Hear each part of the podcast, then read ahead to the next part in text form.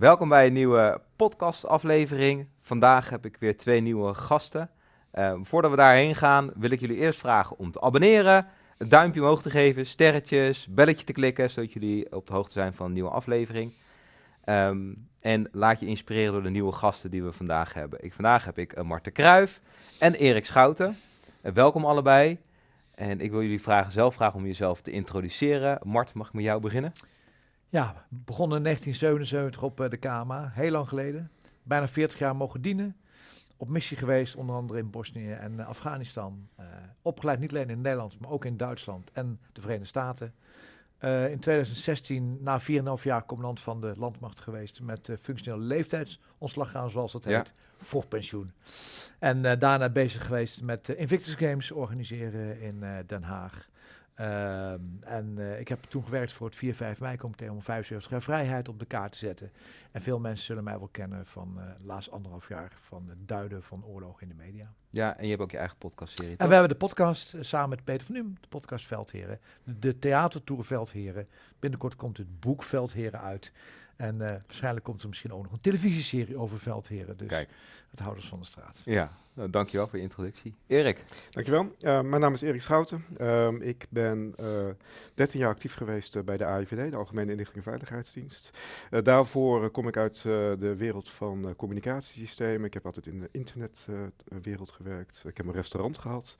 Ehm, en een vliegopleiding gedaan in Amerika, in New Jersey bij, bij New York. en toen 9-11 gebeurde, heb ik eigenlijk besloten om ja, iets te doen in de wereld. Sommigen zijn bij Defensie gaan werken en ik dacht, ehm, laat ik bij de AIVD proberen terecht te komen. Dat is me na een paar jaar gelukt.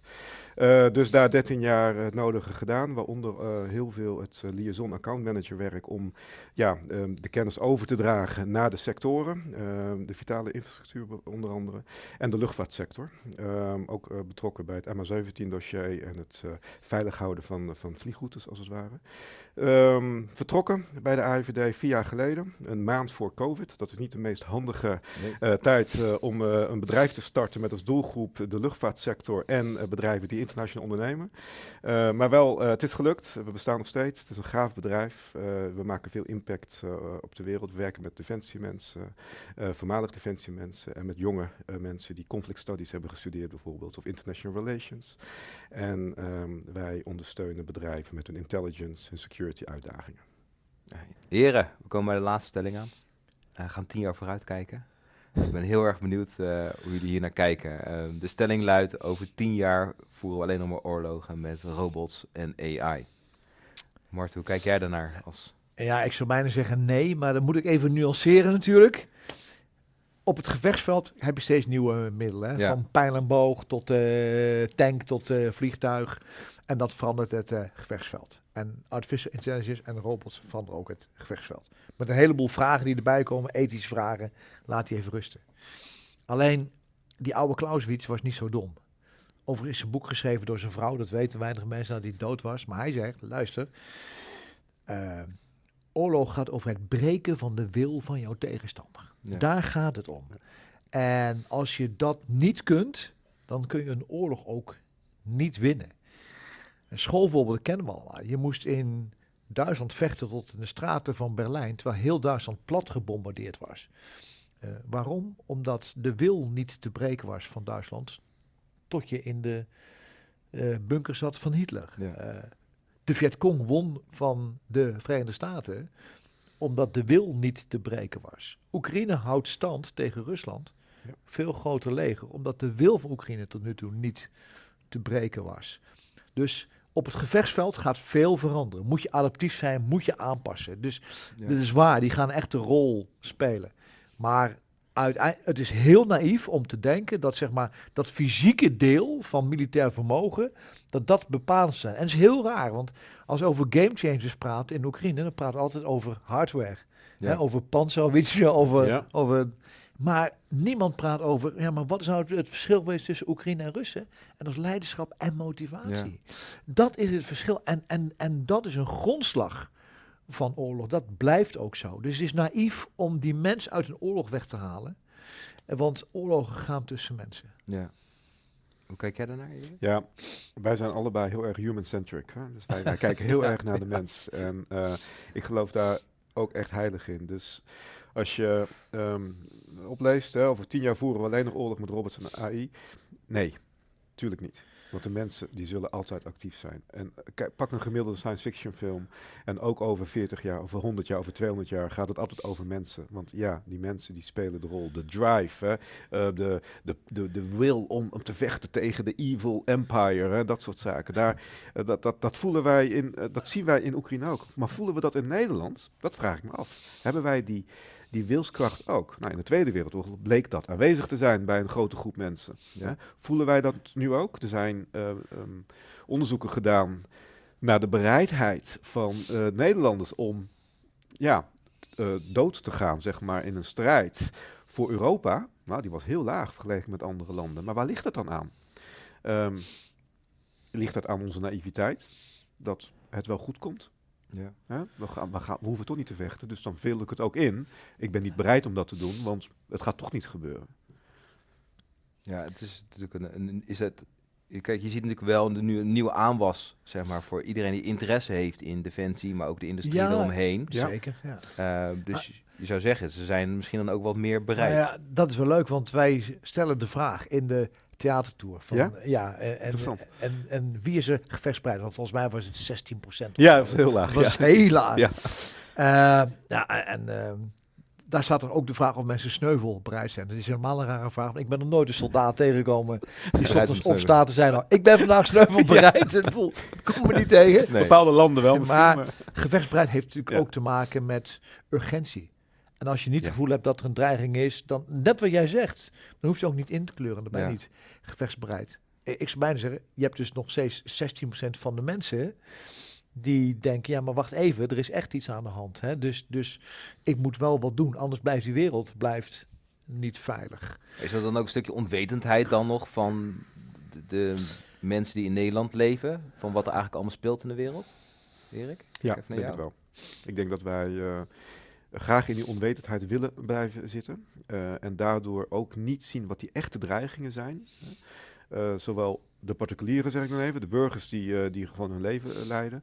Maar ook de, de, de, het leadership van het bedrijfsleven, waar je wat meer verantwoordelijkheid van verwacht. Of ja. in de politiek, waar je ook heel veel meer verantwoordelijkheid van verwacht. Als die blijven wegkijken, dan zorg je er ook voor dat men niet doorheeft hoe die staat van die wereld nou eigenlijk is. Uh, en, en, ja, nogmaals, wij zijn de troubadours van het slechte nieuws. Dus wij kijken altijd met een wat donkerder blik naar die wereld. Er gebeuren ook heel veel mooie dingen in de wereld. Maar blijf alsjeblieft scherp.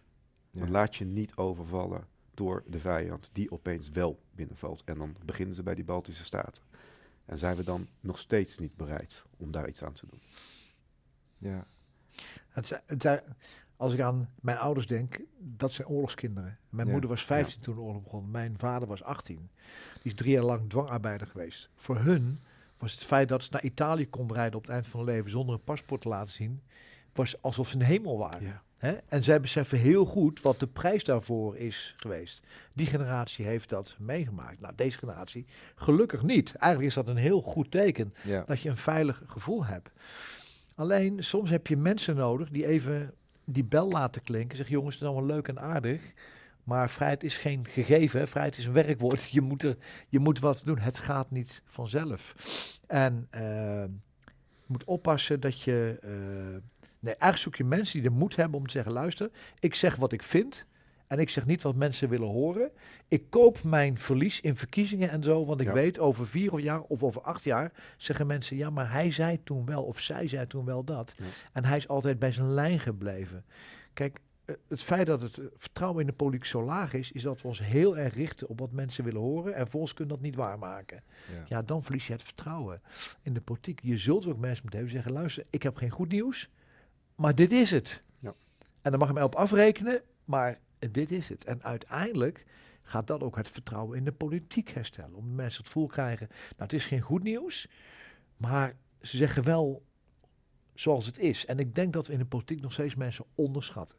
Dat mensen best wel voelen dat er iets aan de hand is in deze wereld. Ja. Die kennen we zeker, die zijn er. Die zijn er. Maar die worden ook, uh, uh, misschien uh, wordt er niet meer op ze gestemd en verdwijnen ze. Ja. Terwijl zij altijd wel strijden voor bepaalde zaken. Ja. Maar is, ik zie wel, als ik even naar de politiek inzoom, ik merk wel dat daar, als ik kijk ook even Defensie dan pak, steeds meer uh, mensen met een defensieachtergrond ja. of die reservist zijn, nu niet mogen zijn omdat ze in de politiek zitten natuurlijk. Uh, twee die we hier ook in de podcast allebei hebben gehad, is Gijs Tuinman en Dirk Boswijk. Twee, ook heel actief in ja, maar wij moeten wel die pijn pakken. Wat Martin jij ook zegt, die geven allebei aan. Je moet, je moet pijn pakken om een stevigere, betere defensie weer te krijgen. Hanke, Slot, hè, ook een school uh, bijvoorbeeld ook iemand die... Dus dat is alleen maar goed, dat ze mensen in de Kamer krijgt. Al, alleen, ja, ehm, ik begrijp heel goed die electorale angst dat je daarop wordt afgerekend als je niet alles belooft, maar een eerlijk verhaal vertelt. En dat kun je alleen maar te niet doen door op de lange termijn te gokken. Om jouw geloofwaardigheid als belangrijkste wapen uh, weg uh, te zetten. Los van andere omstandigheden, hoe ja. media daarmee, daarmee, daarmee omgaan. Terug te durven kijken naar de geschiedenis. Ja. Men, men, men wil niet meer naar die geschiedenis kijken. Het verdwijnt langzaam. Diami staat voor eagle. In, het is in de Native American language uh, betekent het eagle, dus arend. Het is genoemd naar de F-15 Eagle, die op Soesterberg gestationeerd was van de Amerikanen. En die stonden daar, want als klein jongetje ben ik opgegroeid in, uh, in Wijk En er woonden Amerikaanse militairen en die F-15's kwamen over. Dat fascineerde mij. Dus ik ben daar als een soort van bedevaarttocht daar naartoe getrokken. En toen kwam ik erachter uh, dat er een koude oorlog bestond. En dat er Amerikanen waren om de Russen uh, uit het land te kicken als, als ze binnenvallen. Maar toen gingen ze weg, want er was vrede. De Russen waren onze vrienden. Soesterberg is een museum geworden en een landingsbaan waar je kan wandelen. En een, een, een woonwijk. Ja. Maar nu staan de Russen weer aan de deur te kloppen. Nou, ik geef vaak les, ook op VMBO en MBO, tot universiteit, maar VMBO en MBO. En daar merk je ook na een half uur, ook die kinderen hebben best wel een gevoel van onrust. Waarom zijn de Oekraïnse vluchtelingen bij ja, mij? Precies. Uh, wat zijn kernwapens? Want dat weten ze helemaal niet meer. Alleen het is gek dat ik dat moet duiden. Dus ik zeg tegen de leraar, ja, maar je, je moet mij niet vragen. Jij bent degene in lessen maatschappij of ja. en geschiedenis die moet duiden wat er aan de hand is. Dan moet niet mij als soort vreemdkörper daar binnenhalen. Dat wil ik best doen. En ik vind dat kinderen moeten weten. Maar eigenlijk uh, moet je dat in je educatie meenemen. En als je kijkt naar uh, Zwitserland, waar je heel veel referenda hebt, dan moet je tot je 16 hebt niet alleen exacte vakken, maar ook vormende vakken als aardkunde en geschiedenis en wereldkunde. Die moet je wel meenemen. Dat is wel een hoeksteen van de democratie, dat je kinderen ook meeneemt in een stukje scholing. Ja. Hè? En, en het besef dat alles wat we hier hebben, ja, dat het anders is. En dus moet je op 4 mei ook niet alleen herdenken wat er is gebeurd en een krant slingeren, want daar zijn we heel goed in, maar je moet ook zeggen, ja, maar vrijheid is ook, als jij op het voetbalveld iemand hoort scheld tegen de scheidsrechter en je zegt er niks van, dan verlies je een stukje van je vrijheid. Zo, zo precair is dat. ja, en ook uh, context begrijpen. Er was op de jaarbeurs was er een demonstratie uh, naar aanleiding van Israël en de Palestijnse gebieden en Gaza. En daar zie ik dus allemaal zie ik foto's erbij komen van allemaal jonge vrouwen die allemaal studenten zijn. En die lopen dan in een mars met mensen die een Taliban-vlag hebben. Die mensen die die Taliban-vlag dragen, die, hebben, die hebben er niet met, met vrouwenrechten op. Hè? Dus weet wel waar je in meeloopt. En dat snappen, dat besef, dat mis ik een beetje. En, en, hoe zouden we dat besef beter kunnen maken? Het gedeelte ligt natuurlijk bij de politiek, ligt dat misschien ook bij de media, ligt dat... Nee, je hoeft niet altijd een andere te kijken. Ik denk een van de redenen waarop Peter van Nu en ik die, die podcast maken is... Ja, je kunt wel allemaal op een stoel zitten en zeggen dat het niet klopt. Maar ga maar naar buiten en, en vertel het verhaal maar. Ja, ben, ben ik het helemaal mee eens. Awareness is key. Ja. Heel veel naar buiten gaan, heel veel vertellen. Om mensen te laten, uh, te helpen na te denken over wat er echt speelt. Uh, en dat is, daar helpt zo'n theatershow heel goed mee. Het zorgt op bezoek gaan bij bedrijven, uh, uitgenodigd worden voor sessies, erover praten. Ja.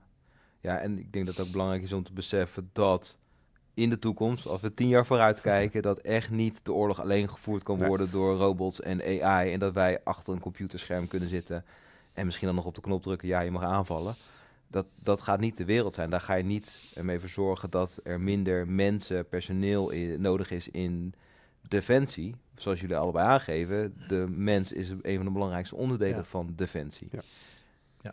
En dat kan alleen maar groeien, denk ik ook, als er dus meer awareness is over wat er speelt. Ja, eh, zeker. En ook, vergis je niet hè, als er in Nederland wat fout gaat, en er gaat echt iets fout, heeft maar één telefoon wat je kunt bellen. Ja. Dat is het plein nummer vier. Voor de rest is er niet zoveel meer. Dan kun je beter maar zorgen dat het allemaal klopt. En dat je het kunt doen. Ik bedoel, ja. een heel simpel ding noemen. De georganiseerde misdaad. Als je denkt dat je die kunt bestrijden met alleen de politie, dan ben je naïef. Je hebt alle middelen van de staat nodig om georganiseerde criminaliteit te kunnen bestrijden. Allemaal. Anders gaat je dat gewoon niet lukken. Nee. Dus gaat je niet lukken. En ik heb eens vaker gezegd, als je alle druklabs in de Achterhoek, waar ik vandaan kom, in beeld wil hebben, geef je aan een verkenningsescadron de opdracht, breng ja. ze maar allemaal in beeld en binnen een maand heb je ze. En niet omdat ik vind dat Defensie dat zou moeten doen, om Defensie op de kaart wil zetten, maar de georganiseerde misdaad heeft een, gaat een enorme impact hebben in ons leven. Gaat een van ja. de grootste interne vijanden worden. Ja. Daar heb je alle machtsmiddelen van de staat voor nodig. Ja. Ja, want dat zie je natuurlijk ook. Een van de redenen waarom het uh, Veteranen Search Team ja. zo groot ja, is. Ondertussen, wat ik geloof, uit mijn hoofd 2600 mensen op, op dit moment. Die dag en nacht paraat staan om te helpen als de politie het niet kan. Of zelfs de politie te ondersteunen. Dat zegt natuurlijk iets over de, de, de, manier hoe mensen worden opgeleid binnen Defensie. Hoe je ernaar kijkt. als Defensie-medewerker uh, heb je gewoon heel veel uh, kennis en kunde. En soms hebben ze dat zelf niet eens door. Want dan denken ze dat ze maar heel beperkt iets kunnen. Uh, maar ze kunnen stiekem veel meer. Ze hebben op een bepaalde manier leren werken, leren, leren denken. Dat merk ik heel erg als buitenstaander. En dus um, um, ik ga ook heel veel de, de, de samenwerking aan met voormalig uh, defensiemensen. Om ze ook te ondersteunen om weer in die samenleving, hè, zeg ik dan, als ze daar een baan zoeken, om daar een baan te vinden of hun kennis in te zetten. Of bij ons of bij, bij partners van mij. En dan zie je ze opeens opdooien van, oh ja, maar dit kan ik en dat kan ik en dat kan ik. Misschien nog een, een opleiding erbij, hè, zodat ze wat krachtiger worden. Ja. Maar um, uh, ja, het liefst wil je ze bij Defensie houden, zeg ik dan ook. Waarom zijn ze weggegaan bij Defensie? Uh, vanwege bepaalde redenen. Ja, dat zou eigenlijk niet zo moeten zijn. Laat ze alsjeblieft bij Defensie werken, want dan zijn ze heel goed. Ja, ja ik gebruik ze wel eens met uh, veteranen. Hè. Uh, Veteranendag, dat is dan erkenning voor veteranen. Ik vind dat veel te beperkt. Ik bedoel, ja, 10% van de veteranen komt wat anders terug en een gedeelte ja. daarvan heeft professionele zorg ja, nodig. Maar 90% komt sterker terug. Ja. En veteranen hebben daardoor een enorme maatschappelijke waarde. Met de Invictus Games zag ik dat en ik, ik zie het nu steeds, uh, steeds uh, weer. Gebruik veteranen als in hun kracht. Ja. Als jij als gemeente een uh, probleem hebt met het schoolverzuim, zet twee veteranen op een school neer. En ik garandeer je, er wordt veel minder. Zet veteranen in hun kracht. Die hebben een uniek vermogen. En, en, en dat kun je gewoon gebruiken. Ja, wij accepteren dat we 460.000 kinderen in de jeugdzorg hebben zitten in Nederland. 460.000 kinderen. Die per jaar meer dan een ton kosten aan de gemeenschap. Hoeveel van die kinderen zou niet in de jeugdzorg komen als je die vooraf wat meer duiding en vorming had uh, ja. gegeven? En niet afrekent op dingen die ze fout hebben ja. gedaan. Maar kijk eens wat ze kunnen. En niet wat ze fout hebben gedaan. Ja, dan kun je veteranen kun je er wel fantastisch voor inzetten. Ja, ik denk dat, iedereen het daar met je eens is. Nou, laten we dat nog doen. Hè? Ja. Doe dat. Ja, ik, ik probeer er ook wat mee te doen. Dus, ja, dus ja, uh, met mijn beperkte middelen. Ja. Uh, en daar begint het mee. Je kan echt veel voor doen. Um, uh, Diami is ook een social entrepreneurship. Hè? Wij, wij, wij, helpen anderen in nood zonder daar geld voor te vragen. En we halen ons uh, verdienmodel wel uit uh, het bedrijfsleven, et cetera. Ja. Maar het begint bij jezelf, zeg ik altijd. Wij hoeven niet een bedrijf te zijn met heel veel geld en met allemaal dure Tesla's voor de deur, et cetera. Ja, misschien vanuit duurzaamheid, maar, maar niet vanuit het verdienmodel, nee, nee. et cetera. maar dat... Um, um, de mensen die bij ons werken, die, zijn, uh, die willen impact maken. De jonge generatie die wil impact maken, die, die dachten of bij Buitenlandse Zaken, de AIVD of Defensie te werken. En die kwamen in, het, in een zoektocht kwamen ze Diami tegen en zijn blijven hangen. Uh, en de, de andere generatie, noem ik even, die, die heel veel ervaring hebben, die hebben ooit voor Defensie, Buitenlandse Zaken of inlichtingendiensten ge gekozen, omdat ze impact wilden maken en doen het nog steeds. Ook na het verlaten van hun voormalige werkgever. En dat is fantastisch, om met allemaal mensen te werken die nog steeds impact willen maken in die samenleving. Ja. Daar geloof ik heilig in. En dat is ook de verandering die ik verwacht van het bedrijfsleven. En niet met, uh, met allemaal vlaggen gaan werken dat je het doet. Zeggen dat je het doet, maar het niet doen. Omdat je, ja, reclamebureaus ja. worden altijd heel rijk, zeg ik altijd. Want die krijgen het geld uh, om, uh, om een bepaalde narrative te verkopen. Maar doe het dan ook gewoon. En zet ook veteranen in in je organisatie. Ga die reservistensysteem uh, inzetten. Hè? Uh, er is nu een nieuwe wetgeving voor. Ja. Doe dat. Ja. Zelfs die Air National Guard in Amerika en de National Guard en de reserves. Hè? Ik had vroeger een postbode in, toen ik in Amerika woonde. En die vloog in het weekend F-16's. Ik dacht, huh? hoe dan? oh, ja, mijn capabilities in de weekend voor de voor de United States of America during the week. De, bezorg ik post. Fantastisch. Ja, en dat, dat, is, ik zie wel dat als ik kijk naar de hele industrie van defensie, dat die echt wel er staan. En die, die, die, ik zie dat het ook wel groeit en dat ook heel veel, als je dan toch bij defensie weggaat, kom dan bij ons. Ja. ja. Want wij gebruiken je heel graag. Ja, uh, ja. dat klopt. Ja. dat klopt. Je expertise. Ja. ja, expertise. En je bent op tijd, hè. Het is ook je houding en uh, je vorming. Hè. Vijf uur is vijf uur. Ja, dat en niet één minuut voor vijf. Ja. En als je regent, ja, dan word je nat, maar de meeste valt ernaast. Ja. dus dat is ook niet erg. Dat, uh, dus ja. dat hoort er ook een beetje bij. De, bevende, de befaamde quotes van, uh, vanuit nou, maar het is, het is wel zo, je, je mensen niet naar hun fouten toe, maar je probeert ze in hun kracht te zetten. Ja. en, en ja, de Invictus is het schoolvoorbeeld. Dat mensen die alles hebben verloren, fysiek of mentaal of allebei, laten zien, ja, maar reken mij nog niet af of wat ik niet meer kan. Kijk wat de unieke waarde ik wel heb voor de maatschappij. En dan zet je dus mensen in hun kracht in plaats van in hun zwakte. Ja, ja pamper is, hoeft niet altijd fijn te zijn. Soms heeft het ook een desastreus effect. Soms moet je ook zeggen, hey, gewoon even doen. Ja. Niet te veel nuilen op z'n achterhoeks, maar gewoon doen. en dan word je over het algemeen sterker van. Ja. Mooi. Ja, voor jullie heel erg bedankt voor deze afleveringen. En voor jullie komst. Alsjeblieft. En uh, tot de volgende keer. Graag gedaan.